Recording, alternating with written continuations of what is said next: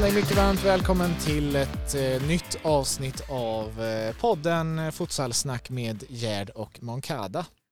Den här veckan har vi med oss en gäst i Futsalsnack eh, och inte bara en gäst utan till och med en, eh, en ersättare till Andres eh, som tyvärr inte kunde medverka den här veckan. Tillbaka igen nästa vecka. Varmt välkommen säger vi till eh, mycket rutinerade och eh, omtyckta och alla fina ord. Patrik Persson. Tack så mycket, det var snällt sagt. Hur är läget med dig? Oh, men det är bra. Mm det är det. Eh, jag tränar ju eh, tonåringar här i Älvängen i, i futsal och eh, vi har ju haft lite uppehåll med coronarestriktioner men nu så kom det ett besked här att från och med nästa vecka så, så kanske man kan dra igång igen. Så att ja, det uppåt i humöret idag. Mm, ja men härligt och man, du börjar berätta lite här som sagt och man får väl ändå säga att du har försvunnit lite från rampljuset eh, senaste tiden, men det här är då projektet som du har ägnat dig åt eh, mer och mer. Ja, eh, det är en stor del av, av det jag sysslar med. Att, mm. Jag försöker bygga upp en akademi kan man säga här. Jag är utbildningsansvarig i föreningen på hemorten och det är jätteskönt att ha fem minuter till hallen. Och eh, har haft internutbildningar där vi där har utbildat andra eh, tränare i klubben. Så att vi kör futsal från pojkar och flickor nivå 10 eh, år. Och eh, sen så har jag hand om damlaget och, och herrlaget. Och det är egentligen eh, de mest talangfulla eh, tonåringarna då som, får, som får chansen där. Så ja, jag tror att eh, det kommer vara bra på sikt det här kommer nog ge fin avkastning. Mm. Men det, det, är en förening då gissar jag som verkligen har eh, känt att eh, det är dags att satsa på futsal. Ja, eh, det är det och jag bodde i Göteborg innan och sen så innan jag flyttade hit för, ja, jag flyttade hit för två år sedan så tog jag kontakt med föreningen och så började jag träna ett ungdomslag där redan då, ett flicklag. De har blivit större och större, eller äldre och äldre får jag säga nu. De är ju, stommen är ju födda 03 så vad blir man då? Då är man 17 år i år va? Mm. Och det har gått riktigt bra för dem och, och jag har ju alltid tänkt så här att eh, eh det ska vara synergieffekt mellan fotboll och eh, futsal och fotbollstränarna har varit eh, väldigt eh, glada också för de, de ser ju att deras spelare har blivit eh, bättre och bättre och två tjejer där de, en har blivit klar för IFK Göteborg, eller Kopparberg heter de va? och en har blivit klar för eh, Jitex. Och eh, eh, de säger själva att, med att eh, futsalen har varit en, en stor del i, i deras framsteg. Då, så att, ja, jag tycker att det, det, är bra på många sätt och vis. Mm. Det känns ju som en, en grej som fler borde förstå för man hör ju aldrig att någon eh, som lyckas inom fotbollen säger att eh, futsalen var eh, en anledning till att jag stannade upp i utvecklingen utan det är ju verkligen som du säger att det, det känns som det alltid är den var jäkligt bra för mig. Ja, och vi har ett lysande exempel här i Zlatans Milan. De har ju eh, värvat en norrman som heter Petter Hauge. Och han är ju otroligt sevärd, den killen. Eh, fantastisk eh, spelare.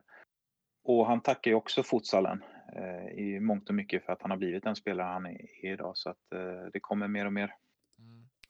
Ja, eh, vi ska ta ett grepp om eh, SFL idag tänkte jag och vi, vi sa ju senast i vårt förra avsnitt att, att vi skiter i den ligan för då var det fullt fokus på RFL men nu känner vi att det är dags för eh, den svenska futsalligan att få glänsa lite.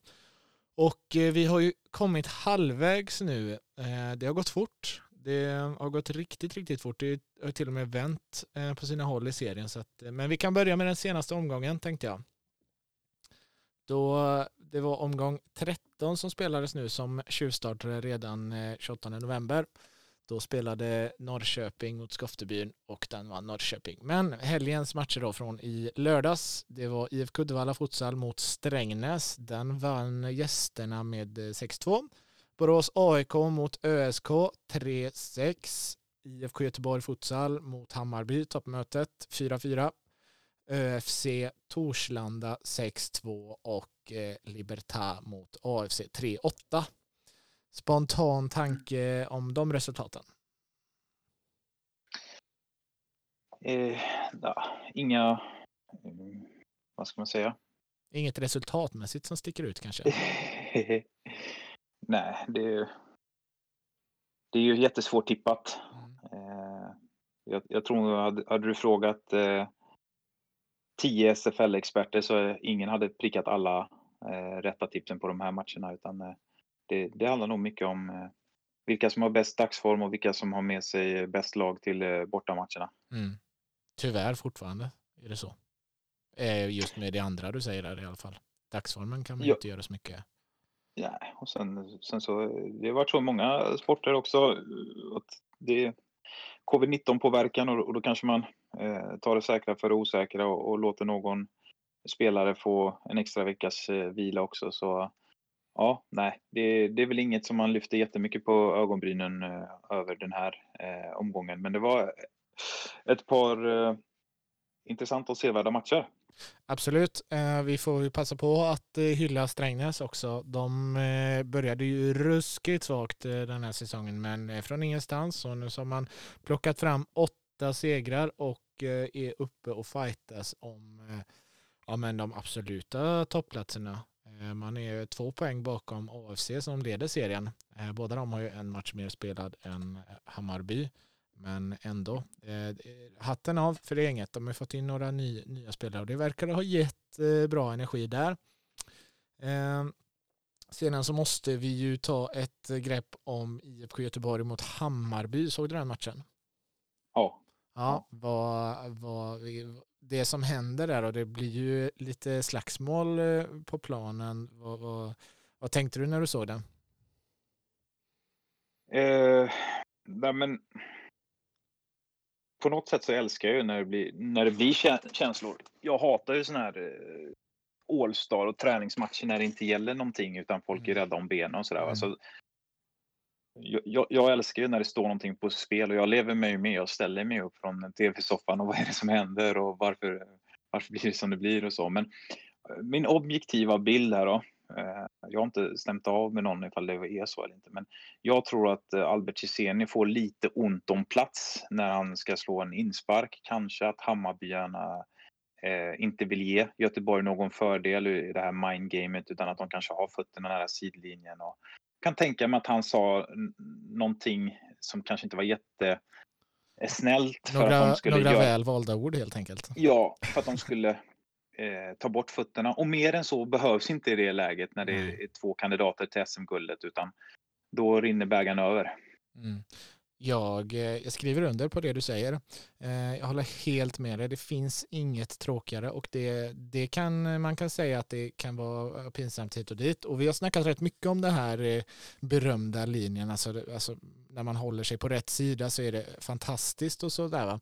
Eh, Men jag tycker det är helt underbart att en toppmatch i SFL betyder mycket. Så att man inte försöker bygga upp någonting på låtsas. Att ja nu jäklar är det toppmatch i SFL och så, så tänker lagen ändå att skitsamma, vi kommer gå till slutspel ändå. Eh, och det är där det gäller. Dit vill vi inte heller komma så att, eh, jag tycker det, det är fantastiskt då att även en, en toppspelare i, i landet har de här känslorna i, i toppmötena. Eh, även om det kanske blev onödigt eh, mycket bråk av det så tycker jag att det är jäkligt, eh, ja jag vet inte, uppfriskande sen måste att, också- att det ändå det blir lite så här gliringar och sen visst då slog det över just för att det är ett toppmöte men de här gliringarna emellan de, de vill vi inte bli av med. Sen får vi inte glömma att eh, vi, vi har väldigt många spelare i bägge lagen som går in och tar bort sina spelare och lugnar ner dem och, och det tycker jag eh, är ett steg framåt för Mm. att eh, vi, vi kämpar alla för att eh, nå en hög status och, en hög seriositet. Så cred till alla som gick in och försökte avstyra. Ja, ja, exakt. Det, det, det ska vara känslor men eh, det får inte bli världens eh, pajkastning fram och tillbaka och, och man bara låter det ske som du säger utan det, det lugnar ner sig och man kan, man kan spela vidare och det, ja, det blev en jäkligt jämn fight som till slut slutade 4-4. Var det rättvist oavgjort?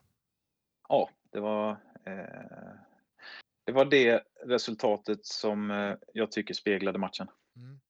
Ja, men då ska vi ta och stänga den matchen då genom att eh, ändå uppskatta att de visade vilja och känslor men eh, också ett stort, stort plus då till de som såg till att det inte gick för långt. Mm. Ja. Eh, sedan så AFC Eskilstuna har vi, har vi pratat om. De, de leder serien just nu. Åkte och borta vann mot Libertad. Eh, inget mer med det. Men ÖSK då? De eh, borta slog eh, Borås AIK i Boråshallen och det gör man väl inte hur lätt som helst? Eh, ja, jag vet inte. Det, det var ju, de, jag tror de hade 4-5-0 där och sen så fick Borås några frisparkar och någon straff och putsade siffrorna lite på slutet. Mm. Eh, men jag skulle säga att det var taktisk eh, klasskillnad på matchen.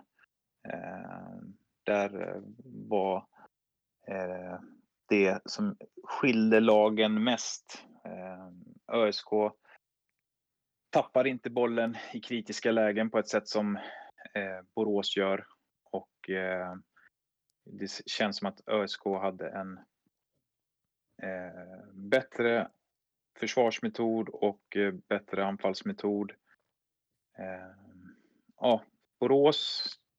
Jag vet inte hur mycket vi nu, om vi, ska, vi har ju pratat om vi ska gå igenom varje lag eller om vi ska prata om resultaten från senaste. Nu ja, tangerar vi där lite, men på. vi kör väl på. Ja, ja vi kör ja, väl finns, på när vi har det. Här finns det ingen manus. Bo, nej, alltså Borås. Borås skulle må gott alltså ifall de hade fått eh, exempelvis Francis som coach. Eh, som nu tränar ÖSK. Någon som styr upp så att man ser mönster i anfallsspel, så att man ser att rätt prioriteringar görs. Så att man ser att, att man täcker rätt eh, ytor som är attraktiva för motståndarna. Och ibland glimtar de till och man tänker oj, det där var jättebra. Medan eh, det strax efter blir eh, misstag och felprioriteringar som eh, ligger flera år tillbaks i tiden som, som man eh, trodde Borås eh, var förbi och som Borås var förbi för några år sedan. Mm. Så mm, det, de blandar och ger. Ja, nu har de ju återigen då tagit in en, en tränare utan eh, vad man vet då, direkta futsal-erfarenheter och kunskaper och sådär. Och så litar de väl då gissningsvis på, mm, på kunskapen som finns i spelarna eh, och kanske mer behöver en tränare som vi har pratat om innan här i podden, att en tränare som snarare får alla att gå åt samma håll. Eh, känner du då att det kanske hade behövts den här ledaren Eh, utanför planen också som, som har det taktiska i sig?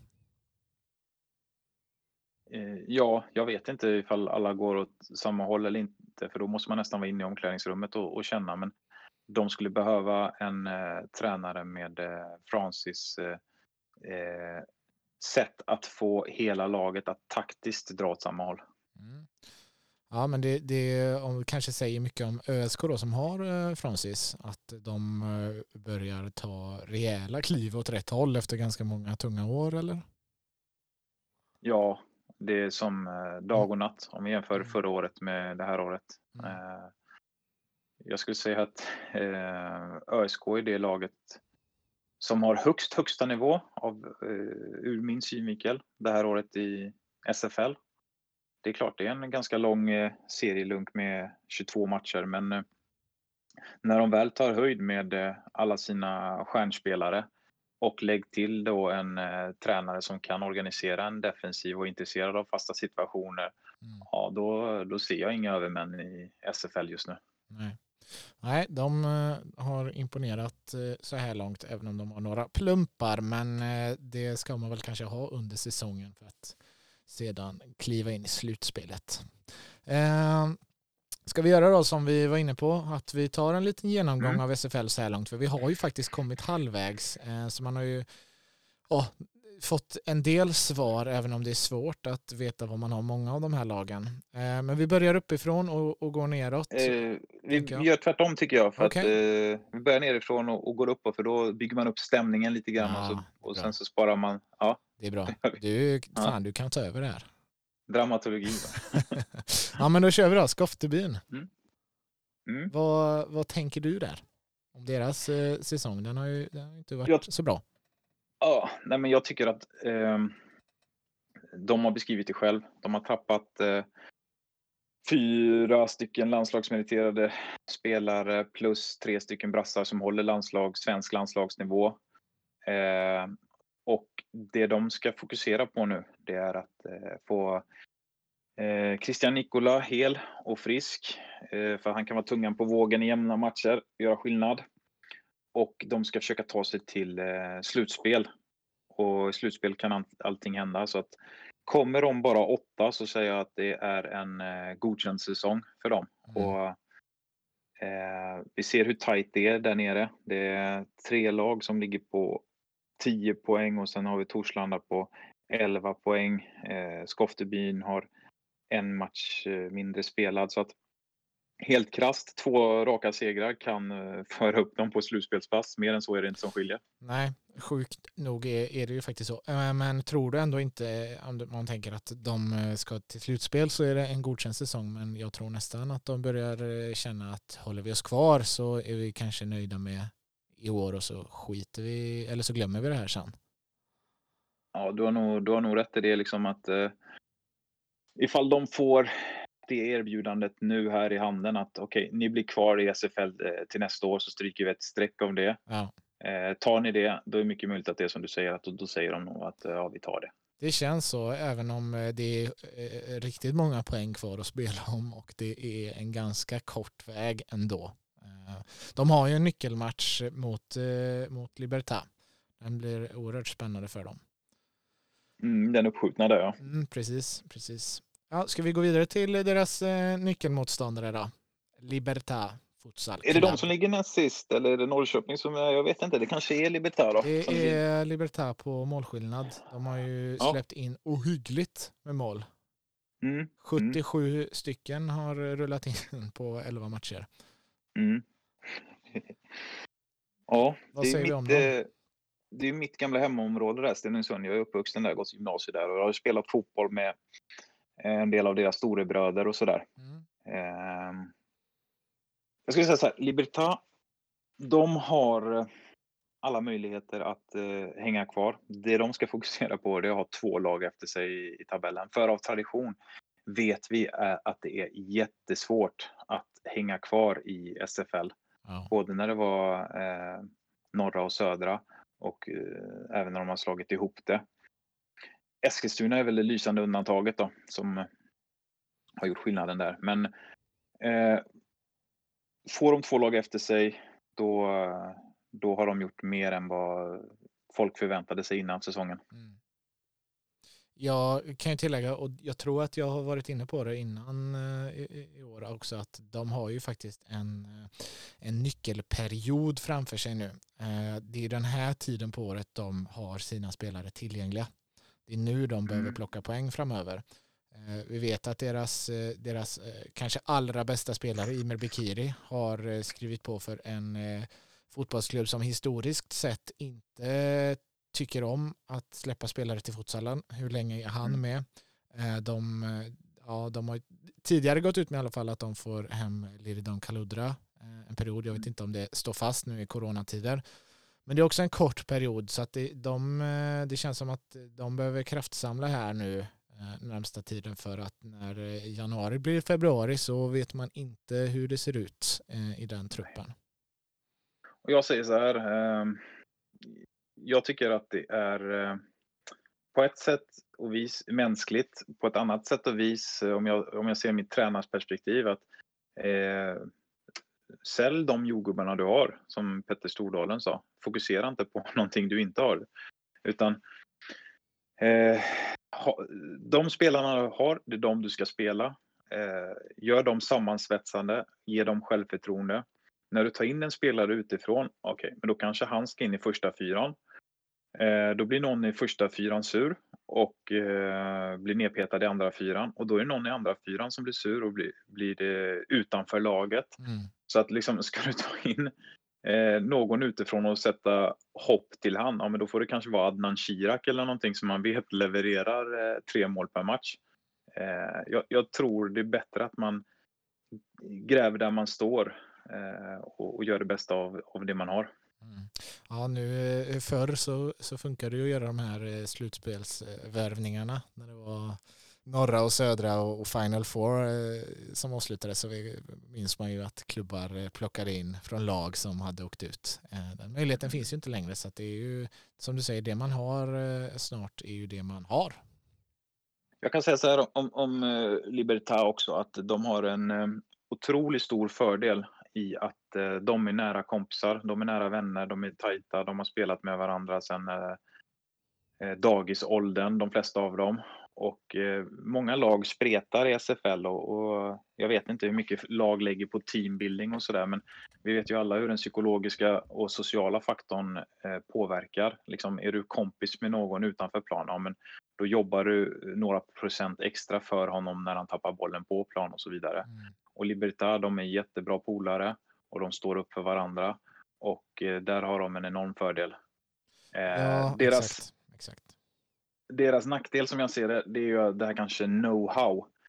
Eh, de spelade division 1 förra året, de är inte taktiskt skolade. En mot en, sätt in dem liksom så här i gatufotboll så där, en mot en, de kan utmana alla lag. Sen så det de behöver bättra på det är liksom hur, rör de sig i förhållande till varandra, i förhållande till motståndarna, i förhållande till bollen. I vilka lägen eh, ska de prioritera att täcka rätt yta? Eh, hur ska de göra för att eh, locka över motståndarna på fel sida och attackera på andra sidan och så vidare. Och kommer de underfund med det, ja då kan de en bra dag slå vilka som helst i SFL. Mm. Ja, intressant är det hur det ska sluta där. Eh, men jag, jag tror verkligen på att eh, den kommande månaden är überviktig för dem. Eh, ÖFC ligger precis ovanför med ja, bra mycket bättre målskillnad i och för sig men på samma poäng. Vad säger du om deras säsong så här långt? De har ju verkligen inte visat sig från sin bästa sida. Nej, jag tycker lite synd om det Kristoffer Skog. Mm. Eh, en litet, ett litet sidospår. Jag har faktiskt tränat. Jag har varit tränare för Kristoffer Skog. Eh, både spelat mot honom och varit tränare. Jaha. Ja, eh, fast då hette det väl Five Aside. Det här var på 00-talet om man säger så. Då. Runt ja, kan det ha varit 2007, 2006 eller något sånt där. Då tränade jag honom i assyriska. Och det var ett eh, framgångsrikt lag i, i eh, Five Side-turneringen där runt om Örebro. Och jag måste bara berätta en eh, anekdot för att som tränare har jag aldrig varit så liksom, eh, chockad och ställd någon gång som eh, när jag, eh, jag hade satt Kristoffer Skog som libero och det var väl semifinal eller final, en ganska viktig match i alla fall. Mm. Och eh, han får bollen framför vår egen målvakt. Motståndarens eh, pivot går upp och sätter eh, press från halvdistans. Han står kanske så här fyra meter ifrån Skog. Och Skog, han är jättebra. Han är jättefin med bollen. Han kan liksom eh, göra två fotar och sula bollen utan att titta vart bollen är och så där. Och han passar till motståndarens pivot. Det är ingen felpass utan han passar eh, rakt på honom. Och mitt hjärta stannar och jag ser liksom, jag får inte ihop det. Vad, vad är det som händer? Alltså, eh, är matchen inte igång eller har han tappat. Men den här killen, han tar emot bollen, eh, säger check och passar tillbaks den till eh, Skog. Va? Det visar sig att det är hans bästa polare i motståndarlaget och de har gjort så för att pranka oss tränare. Kaxigt. Ja. Dominik hette han, sen som värvade vi honom så att allt blev bra till slut. Allt blev frid och fröjd. Ja, ja men Skog eh, kämpar på där. De har ju haft eh, problem med sin kära huvudtränare Janni. Han har ju mm. fått stanna hemma i Finland. Mm. På grund av coronarestriktionerna. Jag vet inte om det hur avgörande det är, men det är klart att det, det är tungt att inte ha, ha sin tränare på plats. Mm. Jag tror ju på, jag tror på kontinuitet och det, det känns som att det har varit eh, stor omsättning och det är lite grann att eh, de har tunnats ut lite från år till år till år och, och på något sätt så har, har, vi levt på myten om att ÖFC har varit eh, eh, duktiga och, och, de har ju presterat bak i tiden två, tre år sedan och var de ju... Det var liksom- final för så eh, länge sedan. Ja, exakt. Så, men den där myten, den, den finns inte längre utan vi måste leva i nuet och prestation är, är dagsvara. Så att eh, i mina ögon så eh, gör de en eh, överprestation ifall de eh, tar sig till slutspel. Ja, så pass alltså. Mm. Ja, de, eh, som du säger, men det är ju också i Örebro, alltså spelaromsättningen i Örebroklubbarna de senaste åren. Den är ju stor. Och det dras spelare mellan klubbarna och det känns nästan som att man ena året så, så är man trött på den ena klubbens styrelse och så går man till den ena och så lockas man tillbaka nästa år. Så det, det är mycket fram och tillbaka men eh, ÖFC har väl främst eh, tappat mycket känns det som. Som du säger. Eh, Norrköping är laget ovanför eh, ÖFC just nu. Mm. Nyko- Mm. Den andra nykomlingen. Vad, hur tycker du att de har presterat så här långt? De har också 10 poäng precis som ÖFC och Libertad. Men en match mer spelad. Ja, n- nykomling på nytt får jag säga. De var ju uppe eh, för två år sedan och så gjorde de bara ett eh, år i division 1 innan de tog sig upp igen. Mm. Och eh, om jag ska säga så här, det som jag tycker de gör bra, det är att de har eh, ett väldigt bra lågt försvar där de eh, spelar eh, med zoner, eh, diamantförsvar, prioriterar rätt.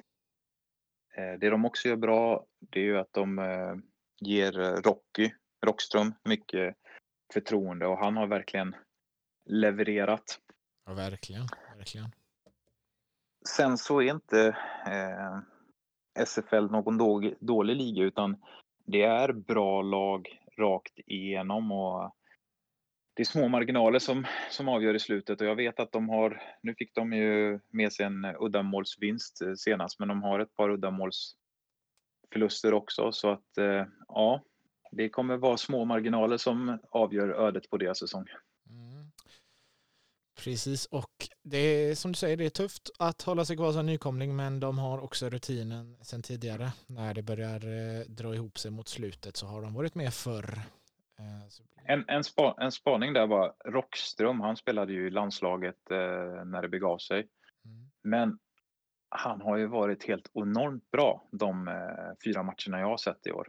Och den spelstilen, och vad har vi? Vi har Adnan Shirak som eh, felvänd pivot, kan göra mycket mål. Och, och du har ju det, samma kvalitet i, i Rockström. Det är en kille som kan gå in och ändra en matchbild. Mm. Dessutom vänsterfötter, vänster, vänsterfotad. Det, det är en enorm fördel när det kommer till vinklar och fasta situationer och sådär.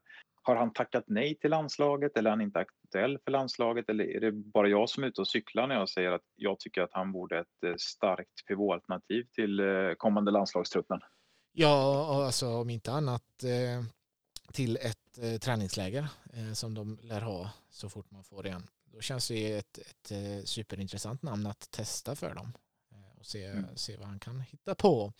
Eh, Torslanda har vi på åttonde plats, eh, en poäng mer än Norrköping. Spå, spåddes också en, en tuff säsong. Kom igång lite grann men har sen börjat fallera igen med idel förluster. Mm. Och de har ju, de har ju problem där med eh, tränarbiten. Ja. Eh, de får ju dubblera där. Patrik Falk får väl vara spelande tränare när de eh, gjorde sig av med tränaren strax innanför innan seriestart.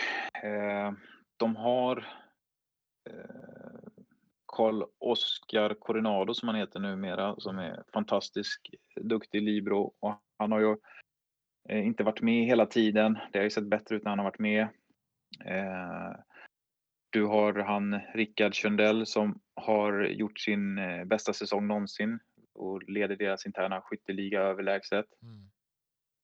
Eh, men överlag så, mm, jag hoppades på att, att eh, Torslanda skulle göra en generationsväxling eh, för något år sedan där för att de var ju en futsalakademi och eh, började få upp eh, många bra spelare som, som behövde förtroende.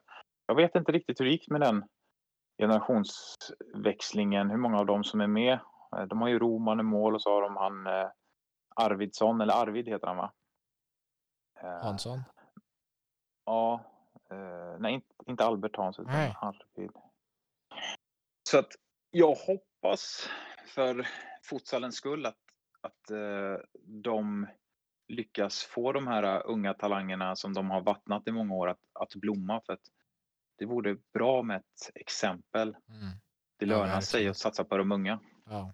ja, som vi har varit inne på tidigare så eh, någonstans finns det väl något krav på, på att ha ungdomslag och sådär. Men man ser inte supermycket. Man ser några föreningar jobba hårt med det. Eh, ovanför mm. Torslanda då som vi ser om de, eh, vad de kan få till den här säsongen. Väldigt svårtippade. Eh, så har vi IFK Uddevalla Futsal. Eh, mm. Som också hade en väldigt, väldigt, väldigt stark period och låg med mm. i toppen. Men nu har de dalat ner till en eh, sjunde plats med 16 mm, du som, poäng. Du som av tradition har bra koll på, på Uddevalla. Mm. Vad händer med eh, Söderqvist och, och vad händer med Uddevalla? Ja du, eh, det har väl varit en eh, spelaromsättning där med. I fjol levde de ju på fyra, fyra spelare egentligen och eh, jag tror att eh, tappet av Donat Gashi blev ganska så tungt. Eh, har inte fått in någon solklar ersättare där för honom. Och eh, Fredrik Söderqvist och bröderna Raisi, de har fått det för tufft att bära laget på tre spelare helt enkelt. Och de, ja, de överraskade ju stort i fjol får man säga och nu nu har de haft det lite tyngre. Eh, men jag tror mm. ändå att det kommer vara ett lag som blir, eh, blir luriga i slutspelet. Eh, även om de inte kommer plocka någon toppposition till slut. Jag tänker så här, de har en bra tränare. Eh, väldigt kunnig, Vega. Eh, och det är lite grann deras räddning. För hade det varit någon annan tränare med, med det materialet, då hade, tror jag inte de hade tagit sig till eh, slutspel. Utan eh, ja, det är en tunn trupp också. Och eh, jag sätter eh, coachen där som främsta anledning till att de går så pass bra som de gör. Mm. Eller ja, de, de, de, går inte, nu har de haft en formsvacka men ja. ändå att så som du Topparna säger när de går till spel. Ja, eller som du sa, när de går till slutspel. Ja, ja. Vi tar för givet att de ska gå till slutspel, men är det så givet? Jag vet inte. Ja, kanske för att de har en väldigt duktig coach som alltså, kan spelet, förstår inte, spelet. Det är väl inte givet egentligen, men jag är, alltså, man blir ju ändå 100% säker på att de kommer smyga med det på ett eller annat sätt. Eh, mm. men, eh, och du sätter coachen, då sätter jag Fredrik Söderqvist. Skulle det vara så att han skulle gå sönder så har de inte mycket att hämta den här säsongen. Eh, det är en MVP. Han gör han gör det mesta på planen. Kan göra det mesta väldigt bra också. Oerhört viktig eh, i försvarsspelet också. Eh, Borås AIK ligger ovanför dem. Vi, du var inne på dem lite tidigare. Vill du tillägga ja. något? Eller ska vi gå vidare?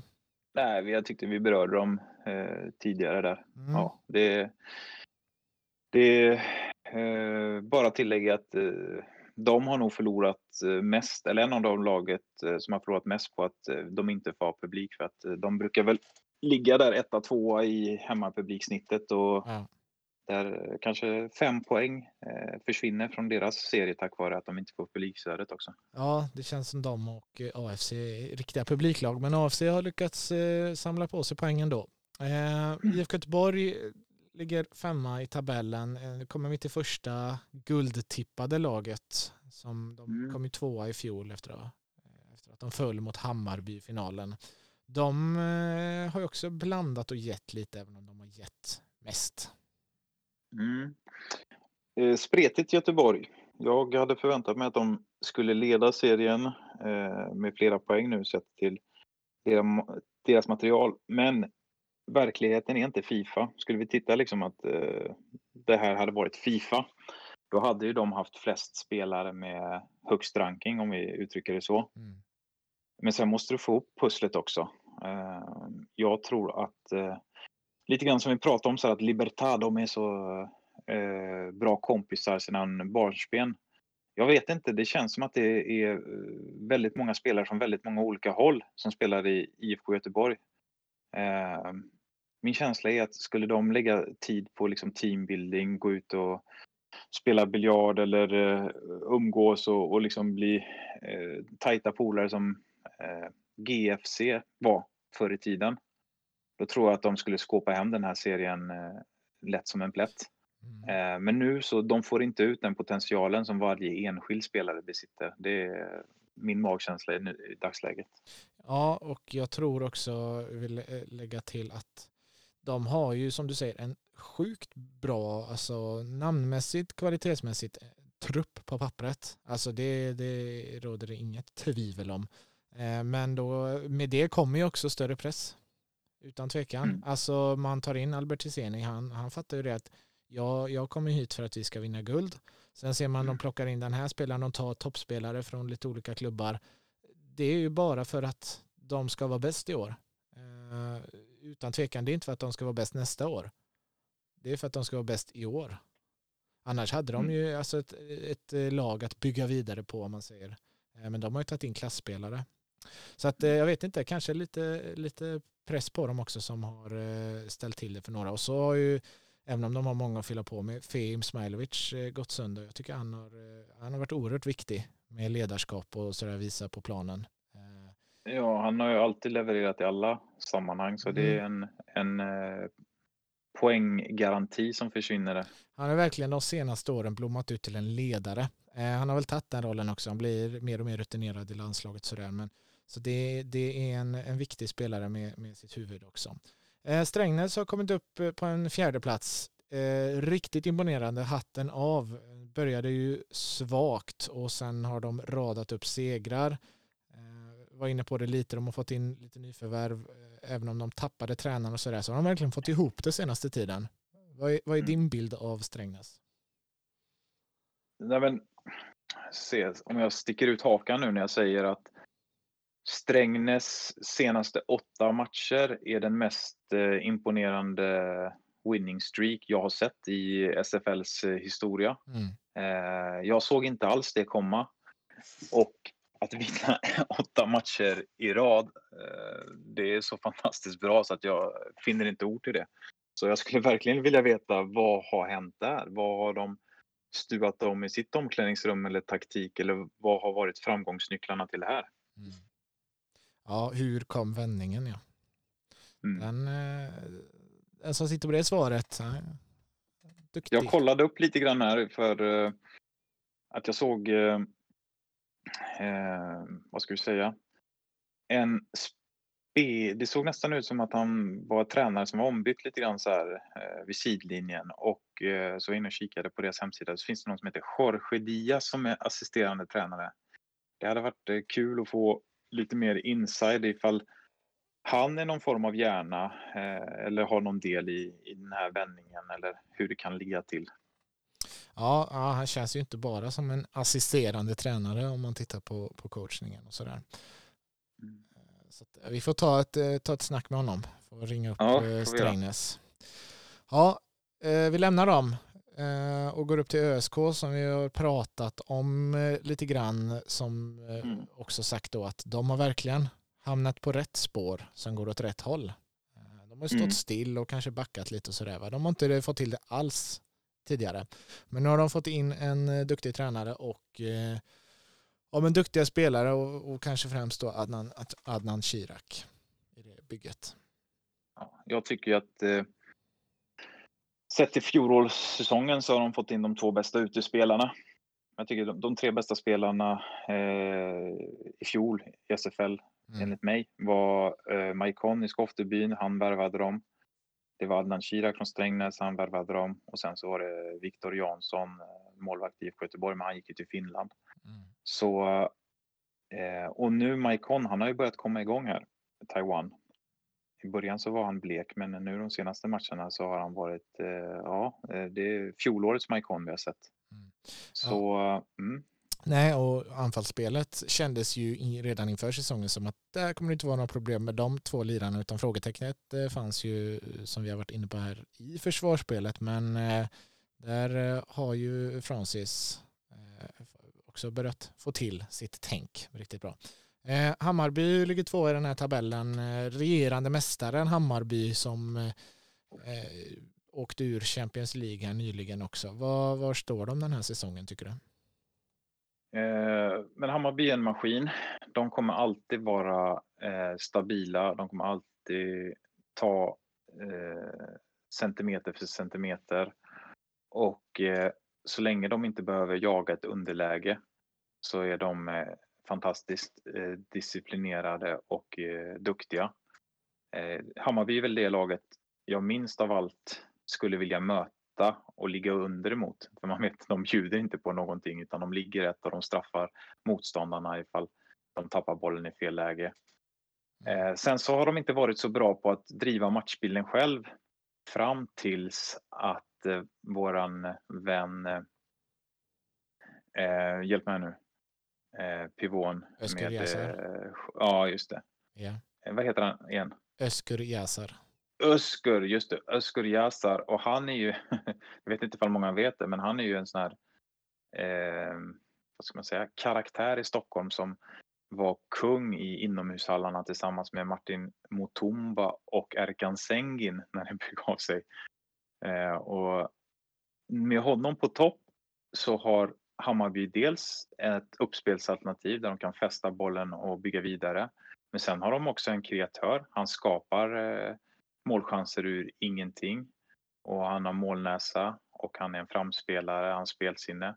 Så att jag skulle vilja säga att eh, Hammarbys eh, slagstyrka blev 25 procent starkare samma stund som han klev in på planen. Ja, jag håller med dig och jag håller honom oerhört högt. Eh, och jag var väl också i Champions League den enda som kunde hitta på något annorlunda på individuell nivå.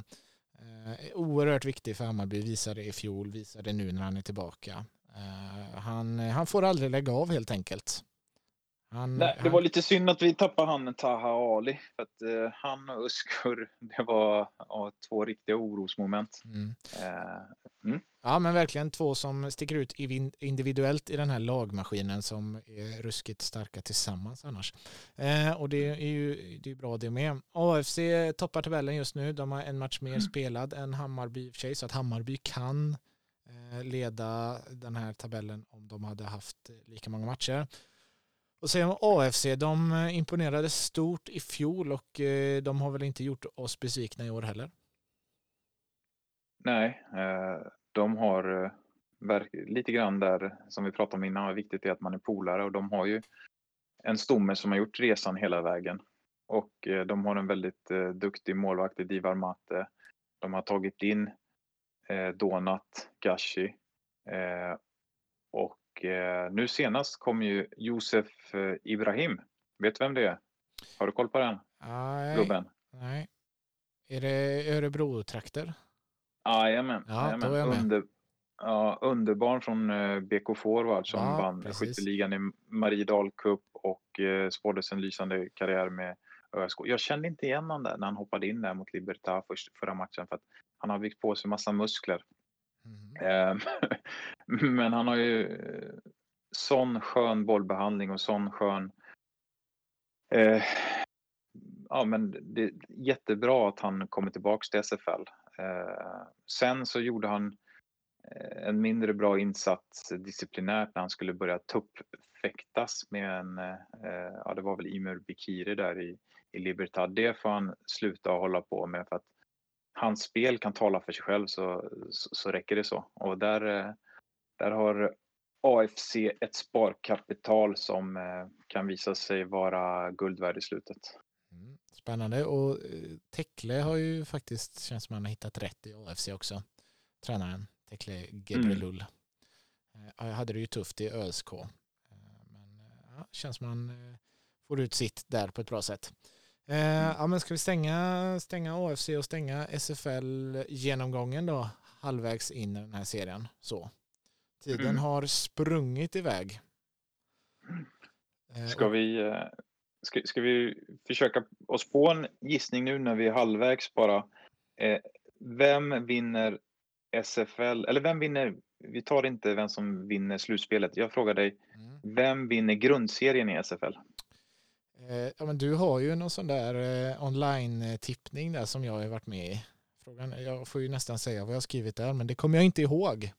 Eh, så det, det, är lite jobbigt. Men jag säger faktiskt att eh, lagmaskinen Hammarby vinner grundserien i år också. Yes, yes. Vad, det, skriver du under på det, eller? Jag tror att eh, Örebro vinner, Örebro SK vinner grundserien. Mm. Ja, vi får se. Jag tror att de kan kanske nöja sig när de känner att nu är vi i toppen och redo för slutspelet och så börjar man ladda för det. Jag vet inte. Mm. Det är en mm. känsla. Eh, vi ska avslutningsvis då på uppstuds den här gången faktiskt, inget förberett, ta ut veckans bästa och veckans sämsta. Eh, och jag har ett förslag till veckans bästa så får du se om du håller med mig. Och veckans mm. bästa skulle jag säga är eh, tv-sändningarna som klubbarna drar ihop faktiskt. Imponerande, många gör eh, riktigt bra, såg bland annat då IFK Göteborg mot Hammarby. Det är en, en klasssändning rakt igenom eh, med, med hur, hur man gör det och det är lite uppsnack. Och, och många klubbar har faktiskt, eh, även om det är krav och så vidare, fått till det. Eh, man kan alltid följa matcherna och ibland har appen visserligen laggat och sträva. Men klubbarnas insats tycker jag generellt sett är bra den här säsongen med det. Ja, när du sa tv-sändning, då trodde du menade de som sänds på tv, men du ja, menar liksom webb... produktionen oavsett om den sänder på... Ja. ja, men precis. Det som klubbarna sänder ut i appen och, eh, och sådär. Tycker jag ja. generellt sett får ett eh, stort plus. Jättebra, jättebra. Fokusera mm. på att professionaliteten blir större och större. Ja, har vi någon veckans sämsta? Har du någon på, på uppstuds som du bara känner att du bör få en känga av Patrik Persson innan vi rundar av idag?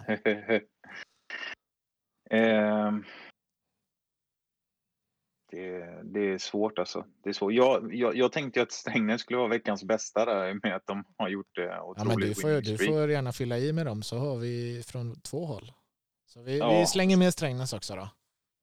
Ja. I, i farten här. Men eh, så får vi se, vi kanske till och med får skita i en veckans sämsta ja. Så snälla Vi tar två, vi... två veckans bästa idag istället. Ja, fan vad snälla vi är.